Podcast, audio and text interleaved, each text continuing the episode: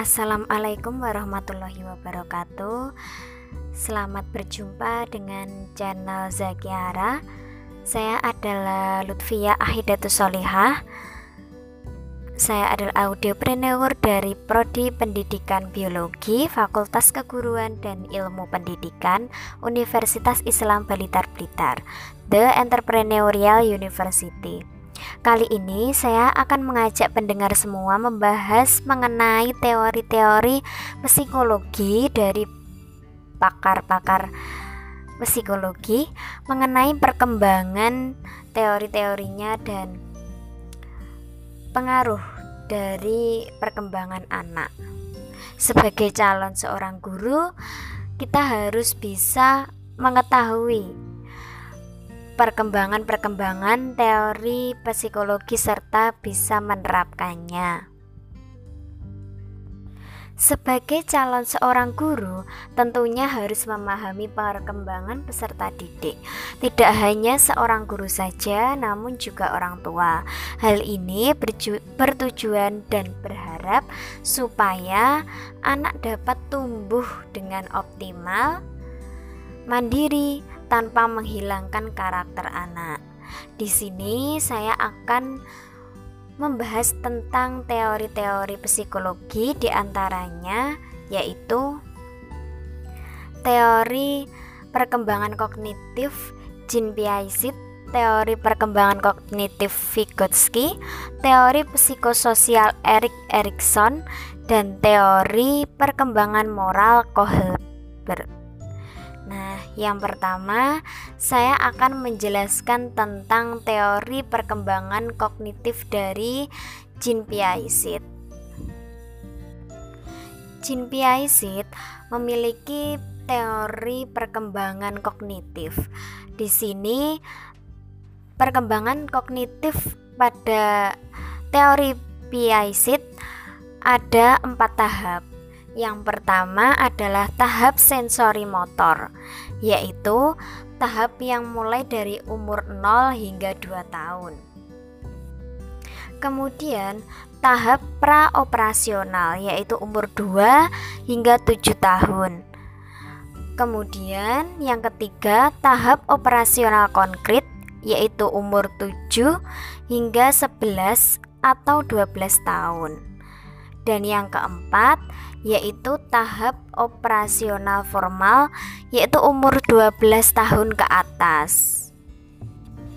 Pada tahap sensori motor, bayi membangun pemahaman tentang dunia yaitu dengan menggunakan alat inderanya seperti menggerak-gerakkan tangan atau kaki, kemudian dia uh, mulai berceloteh seperti itu. Kemudian tahap praoperasional yaitu umur 2 sampai 7 tahun yaitu ketika anak-anak memahami realitas di lingkungan menggunakan fungsi simbol atau tanda.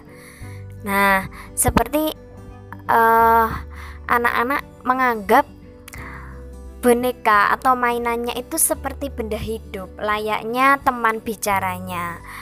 Dari hal ini ciri-ciri berpikirnya tidak sistematis, tidak konsisten, dan tidak logis. Kemudian, tahap operasional konkret yang dimulai dari anak usia 7 hingga 11 atau 12 tahun, anak sudah mulai matang untuk menggunakan pemikiran logika atau operasi. Dalam hal ini, anak telah hilang kecenderungannya terhadap animisme seperti yang berusia 2 hingga 7 tahun tadi yaitu masa praoperasional. Dalam tahap ini masa operasional konkret anak sudah mulai berpikir logis tidak lagi menganggap mainannya atau benda-benda mati seperti temannya atau lawan bicaranya sudah tidak lagi karena pemikiran anak pada tahap ini sudah mulai logis dan sudah beroperasi. Kemudian tahap operasional formal. Umur 12 tahun ke atas, anak sudah bisa menggunakan operasi-operasi konkretnya menjadi lebih kompleks mereka sudah bisa membuat hipotesis abstrak dan sebagainya. Mereka sudah bisa menganalisis suatu hal. Hal ini baik atau buruk? Apakah ini bisa dicontoh atau tidak? Mungkin seperti itu. Dari teori Jin Piaget ini, kita dapat mengetahui perkembangan kognitif anak mulai dari baru lahir hingga anak usia 12 tahun ke atas. Kita menjadi tahu bagaimana urutan dan level serta tahapan-tahapan berpikir anak setiap tahap setiap tahapan usianya. Hal ini bisa membuat kita untuk membuat anak supaya lebih termotivasi atau kita bisa membuat perkembangannya supaya lebih maju lagi. Kemudian saya akan melanjutkan yaitu membahas teori Vygotsky. Teori Vygotsky ini juga membahas teori perkembangan kognitif sama halnya dengan Jean Piaget. Namun, dalam teori Vygotsky ini menekankan pada empat prinsip utama dalam pembelajaran, yaitu the sociocultural nature of learning, zone of proximal development, cognitive apprehensive, dan scaffolding. Nah, dalam hal ini, teori Vygotsky ini menggunakan teori pembelajaran dalam pembelajaran. Yang pertama yaitu social cultural nature of learning. Menurut Vygotsky menekankan pada pentingnya peran orang dewasa. Jadi, dalam hal ini kita menggunakan peran orang dewasa atau teman sebaya yang lebih mampu untuk membimbing anak-anak dalam belajar. Vygotsky menyarankan untuk menggunakan kelompok belajar sesuai anggota yang berbeda. Dalam hal ini, sebagai guru atau calon guru, kita dapat menerapkan membentuk dalam satu kelas, yaitu kelompok yang berbeda, supaya anak dapat bertukar pikiran dan saling membagi ilmu pengetahuan yang sudah diketahuinya. Kemudian yang kedua yaitu zone of proximal development yaitu ide belajar siswa yaitu konsep paling baik. Konsep paling baik dalam belajar siswa itu berada dalam zona perkembangan terdekat mereka. Apa itu zona terdekat mereka? Yaitu kita memberi sedikit bimbingan kepada siswa atau anak supaya mereka mencapai tingkat perkembangan yang lebih tinggi dari hal yang mereka ketahui. Jika kita memberikan bimbingan tambahan, maka apa yang di, mereka ketahui menjadi lebih banyak lagi. Kemudian teori yang ketiga yaitu kognitif apresiensif yaitu proses di mana seorang yang sedang belajar untuk memperoleh pakar dalam interaksinya. Nah, dalam hal ini, anak atau siswa bisa mencari teman atau orang dewasa atau orang tua, bisa juga guru yang lebih tinggi pengetahuannya dibanding dirinya, yaitu untuk saling belajar agar dia bisa memperoleh pengetahuan yang lebih banyak lagi.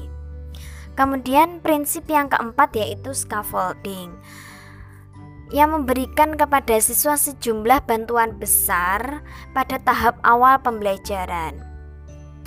Dalam hal ini, siswa atau anak kita berikan pembelajaran atau materi, kemudian kita berikan mereka kesempatan untuk mengambil tanggung jawab, melakukan tugasnya. Setelah kita memberikan materi, kemudian kita memberikan mereka kesempatan untuk mencerna atau mempelajari materi tersebut. Kemudian kita memberikan tugas, mereka bisa menjawab atau meng menerapkan apa yang mereka pelajari ke dalam tugasnya tersebut. Seperti itu. Jadi dalam hal ini pada teori perkembangan Vygotsky ini, teori perkembangan kognitif ini konsep sosiokultural itu dapat membuat anak bisa termotivasi dengan orang sebaya atau teman sebaya, bisa saling belajar antar kelompoknya yang berbeda sehingga bisa saling membantu. Ada yang temannya ada yang kurang bisa, temannya yang bisa bisa membantu seperti itu. Kemudian bantuan teman atau peranan guru dalam memfasilitasi bantuan saat mengerjakan tugas juga semakin berkurang pada tahap-tahap berikutnya karena siswa sudah dapat mandiri dalam menyelesaikan tugas setelah mempelajari hal-hal yang sebelumnya. Sehingga teori ini sangat mendukung sekali dalam pembelajaran. Selanjutnya, saya akan menjelaskan tentang teori dari Erik Erikson. Dari teori Erik Erikson ini merupakan teori perkembangan psikososial. Hal ini berbeda sekali dengan dua teori yang sebelumnya, karena yang sebelumnya merupakan teori perkembangan kognitif. Untuk yang selanjutnya, kita akan membahas tentang teori perkembangan psikososial dari Erik Erikson. Pada teori Erik Erikson ini memiliki delapan tahap-tahap perkembangan psikososial. Antara lain, yang pertama yaitu trust versus mistrust, yaitu percaya versus tidak percaya. Itu pada tahap usia 0 hingga 18 bulan. Yang kedua, autonomi versus doubt, yaitu kemandirian versus keraguan. Itu pada usia 18 bulan hingga 3 tahun. Kemudian yang ketiga initiatif versus guilt yaitu inisiatif versus rasa bersalah itu berusia 3 hingga 6 tahun. Yang keempat industri versus inferiority yaitu ketekunan versus rendah rasa rendah diri pada usia 6 hingga 12 tahun. Yang kelima identity versus role confusion yaitu identitas versus kekacauan identitas umur 12 hingga 18 tahun. Yang keenam, intimasi versus isolasi yang berusia 18 tahun ke atas hingga 40 tahun. Yang ketujuh, generativity versus self absorption yaitu generativitas versus stagnasi pada usia 40 tahun hingga kurang lebih 65 tahun dan yang terakhir yang kedelapan integrity versus despair yaitu integritas versus keputusan keputusasaan umur 65 tahun ke atas. Pada tahap yang pertama yaitu trust versus mistrust yaitu percaya versus tidak percaya. Tahap ini dimulai dari anak mulai lahir hingga 18 bulan. Padahal ini anak memiliki e, rasa percaya Nah, kepercayaan itu terletak pada orang-orang di sekitar mereka yang dekat dengan mereka. Seorang anak atau bayi akan merasakan kedekatan yang berbeda dengan orang yang sering dengannya dan yang tidak sering dengannya. Terutama hal ini yang berpengaruh adalah peran seorang ibu. Mereka sangat bergantung pada ibunya, sehingga sang anak atau sang bayi pun mereka merasa memiliki kepercayaan kepada sang ibu. Mereka menggantungkan segala sesuatu mereka kepada sang ibu. Yang kedua yaitu tahapan autonomi versus doubt yaitu kemandirian versus keraguan yaitu anak usia 18 bulan hingga 3 tahun atau masa balita. Dalam hal ini anak memiliki uh, peran yang sangat aktif. Sebagai orang tua, kita harus bisa mengoptimalkan tumbuh kembang mereka. Kita tidak perlu uh, selalu membatasi apa yang mereka inginkan, namun kita juga tidak terlalu memberikan kebebasan kepada mereka. Jadi kita harus seimbang, mendidiknya secara seimbang karena mereka kalau kita terlalu membebaskan mereka. Mereka akan terlalu uh, lepas. Namun jika kita terlalu batasi mereka akan melakukan segala sesuatu dengan penuh keraguan. Kemudian tahap yang ketiga yaitu initiatif versus good yaitu inisiatif versus rasa bersalah. Hal ini dimulai eh, tahap ini dimulai pada usia 3 hingga 6 tahun yaitu kemampuan motorik dan bahasa anak mulai berkembang sehingga mereka sudah lebih banyak mengeksplor dengan lingkungan baik secara fisik maupun secara sosial. Nah, pada masa ini anak juga sudah mulai masuk masa prasekolah. Pada hal ini, peran orang tua sangat besar yaitu memberikan bimbingan dan motivasi saat anak mengalami kegagalan. Karena dalam hal ini anak selalu berinisiatif berlebihan sehingga anak akan cenderung tidak memperdulikan bimbingan dari orang tua maupun gurunya. Sehingga anak harus orang tua harus bersikap bijak dalam menanggapi setiap perbuatan yang dilakukan oleh anak. Yang keempat yaitu Tahap industri versus inferiority yaitu ketekunan versus rasa rendah diri yaitu dimulai pada anak usia 6 hingga 12 tahun. Pada masa ini anak sudah memiliki atau memasuki masa sekolah. Kemampuan akademik yang mereka miliki juga sudah mulai berkembang serta kemampuan sosial dengan guru serta teman-temannya juga sudah berkembang dengan baik dan mereka akan merasa percaya diri. Akan tetapi, jika anak-anak merasa gagal dalam suatu masalah, mereka akan merasa sangat gagal. Karena pada masa ini anak cenderung memiliki rasa rendah diri dan merasa bahwa mereka selalu membandingkan usia mereka dengan teman-temannya. Mereka selalu membandingkan apa yang mereka punya, apa yang mereka miliki, apa yang mereka mampu dengan temannya.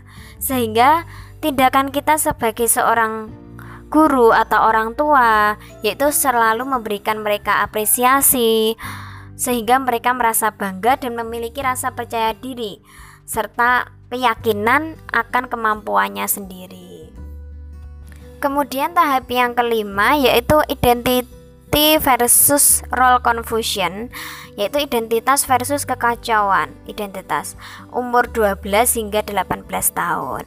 Pada masa ini anak sudah memasuki usia remaja dan dalam hal ini anak sudah mulai mencari jati dirinya. Pada masa ini sangat penting sekali karena merupakan peralihan dari dunia anak-anak menuju ke dewasa yaitu tahap remaja. Mereka sudah me, ber, sudah bisa diberikan tanggung jawab, namun secara psikis usia remaja masih belum bisa diberikan tanggung jawab yang berat layaknya seorang de, orang dewasa. Pada tahap ini, mereka akan mencoba banyak hal untuk mengetahui jati diri mereka. Mereka akan melaluinya dengan teman-teman yang memiliki komitmen yang sama, atau hal yang sama sehingga mereka membentuk sebuah kelompok. Dalam hal ini mereka mungkin akan memiliki kebingungan karena mereka bingung tentang tidak memiliki tujuan atau bahkan mungkin mereka sungguh-sungguh menerima bila dicap sebagai identitas negatif. Nah, dalam hal ini perlu sekali bimbingan dari orang tua maupun guru agar mereka menemukan jati diri mereka sebenarnya. Apa tujuan hidup mereka, apa yang harus mereka lakukan, supaya apa yang mereka lakukan selalu positif, jauh dari hal-hal negatif. Yang keenam, tahap intimasi versus isolation, yaitu keintiman versus isolasi. Yang berusia 18 hingga 40 tahun pada tahap ini, seseorang sudah uh, beranjak dari remaja menuju ke dewasa awal, dewasa pada awalnya. mereka sudah mulai mengetahui jati diri mereka dan mereka akan menjadi seperti apa. Namun, pada masa ini, ikatan-ikatan kelompok yang dibentuk sebelumnya pada masa remaja tadi sudah mulai longgar. Pada fase ini sudah mulai memiliki komitmen untuk menjalin suatu hubungan dengan orang lain, membangun hubungan, dan sebagainya. Keberhasilan dalam melewati fase ini tentu saja tidak lepas dari fase-fase sebelumnya, karena seseorang belum dapat mengatasi rasa curiga, rendah diri, maupun kebingungan identitas. Maka, hal tersebut akan berdampak pada kegagalan membina sebuah hubungan. Pada tahap ini, memerlukan bantuan atau motivasi dari pasangan ataupun teman dekat untuk membantu memotivasi serta memberikan dukungan dan semangat untuk bisa melewati tahap ini dengan baik. Kemudian tahap yang ketujuh yaitu generativity versus self absorption yaitu generativitas versus stagnasi. Pada usia 20 eh, maaf 40 tahun hingga 65 tahun. Mengatakan hal ini adalah hal penting dalam membangun dan membimbing generasi berikutnya, yaitu dengan membesarkan anak-anaknya sendiri. Pada tahap ini juga dapat berhasil di, dengan melalui bentuk lain produktivitas dan kreativitas seperti mengajar, mengajarkan anak-anak tentang hal atau sesuatu sehingga dapat memikul tanggung jawab dengan baik. Pada masa ini yaitu e, mengabdikan diri guna mendapatkan keseimbangan sifat melahirkan sesuatu dengan tidak berbuat apa-apa atau stagnasi. Harapan yang dicapai pada masa ini yaitu keseimbangan antara kreativitas dan stagnasi agar mendapatkan nilai positif yang dapat dipetik. Ya, dalam hal ini diharapkan seseorang telah memasuki usia dewasa menengah dapat menjalin hubungan dan berinteraksi secara baik dan menyenangkan dengan penerus-penerusnya. Dan yang terakhir yaitu integrity versus despair yaitu integritas versus keputusasaan yaitu usia 20 eh, 65 tahun ke atas pada masa ini akan melihat kembali atau flashback dengan kehidupan yang telah mereka jalani, yaitu penerimaan prestasi, kegagalan, keterbatasan dalam sebuah kesadaran hidup adalah tanggung jawabnya sendiri. Orang yang berhasil melewati tahapan ini akan mencerminkan keberhasilan juga. Keputusasaan dapat terjadi pada orang-orang yang menyesali cara mereka dalam menjalani hidup. Oleh karena itu, pada tahap-tahap sebelumnya harus bisa memaksimalkan perkembangan-perkembangannya. Dari teori psikososial Erik Erikson ini kita dapat memetik satu kesimpulan yang umum yaitu kita dapat mengetahui setiap tahapan kehidupan kita dari interaksi kita terhadap orang lain karena sosial. Jadi kita tahu bagaimana perkembangan kita dengan kehidupan lingkungan atau sosial. Dan yang terakhir, saya akan menjelaskan tentang teori Kohlberg yaitu teori perkembangan moral.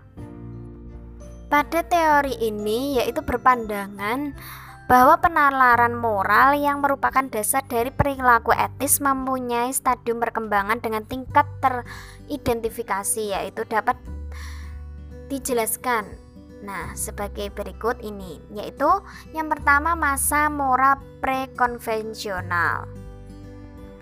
Pada tahap masa moral prekonvensional ini yaitu individu sangat tanggap terhadap aturan-aturan budaya, misalkan aturan baik, buruk, salah ataupun benar. Dalam masa ini dibagi menjadi dua masa lagi yaitu masa punishment dan obedience orientation. Nah, pada masa punishment dan obedience orientation ini individu menganggap bahwa konsekuensi yang ditimbulkan dari sesuatu perbuatan itu menentukan baik buruknya suatu perbuatan yang dilakukan tanpa melihat sisi individunya. Sedangkan masa instrumental relativist orientation atau hedonistic orientation ini suatu perbuatan dikatakan benar apabila perbuatan tersebut mampu memenuhi kebutuhan untuk diri sendiri maupun individu lain. Sehingga mereka menganggap e, apabila e, perbuatan ini menguntungkan, mereka juga menganggap baik seperti itu. Kemudian masa-masa konvensional. Masa-masa konvensional ini yaitu memenuhi harapan dari sebuah lingkup keluarga, kelompok, masyarakat maupun bangsa yaitu sesuatu perbuatan yang terpuji. Pada hal ini, mereka menjalin hubungan baik antara diri sendiri dengan individu lain, dengan orang lain, maupun dengan kelompok di sekitarnya. Masa-masa konvensional ini dibagi lagi, yaitu menjadi dua masa. Yang pertama, masa interpersonal concordance atau good boy atau good girl orientation dalam hal ini, perbuatan yang bermoral adalah perbuatan yang menyenangkan, membantu, dan perbuatan yang diakui serta diterima oleh individu lain. Kemudian masa law and order orientation. Pada tahap masa ini, pandangan individu selalu mengarah pada otoritas, pemenuhan aturan-aturan, juga upaya untuk memelihara tertib sosial. Kemudian, masa-masa post-konvensional. Pada masa ketiga ini, terdapat usaha dari dalam individu untuk menentukan prinsip moral yang diwujudkan tanpa harus mengaitkan dengan otoritas kelompok maupun individu. Pada masa ketiga ini mencakup dua masa kembali yaitu masa sosial konkret legalistic orientation yaitu yang masa ini merupakan masa kematangan moral yang cukup tinggi yang memungkinkan individu melihat benar dan salah yang berkaitan dengan norma pendapat pribadi individu. Kemudian masa orientation of universal ethical principle yaitu dipandang benar tidak harus dibatasi hukum atau aturan dari kelompok sosial, tapi Hal tersebut lebih dibatasi oleh kesadaran individu dan dilandasi prinsip-prinsip etis. Jadi dalam hal ini teori Kohlberg ini merupakan teori perkembangan moral. Moral-moral apa saja yang kita peroleh dalam kehidupan serta bagaimana kita menyikapinya. Demikian penjelasan dari saya. Apabila ada kurang lebihnya, mohon maaf yang sebesar-besarnya. Dari hal ini dapat uh, saya sampaikan bahwa uh, dalam menjadi seorang guru, calon guru atau orang tua, kita harus mengetahui teori-teori psikologi kognitif merupakan yang di antaranya Jean Piaget dan Vygotsky, teori perkembangan psikososial Erik Erikson, juga perkembangan moral Kohlberg. Nah, kita dapat mempelajari dan menerapkannya dalam kehidupan sehari-hari. Demikian yang dapat saya sampaikan. Wassalamualaikum warahmatullahi wabarakatuh. Salam sehat dan selalu jaga kesehatan. Terima kasih.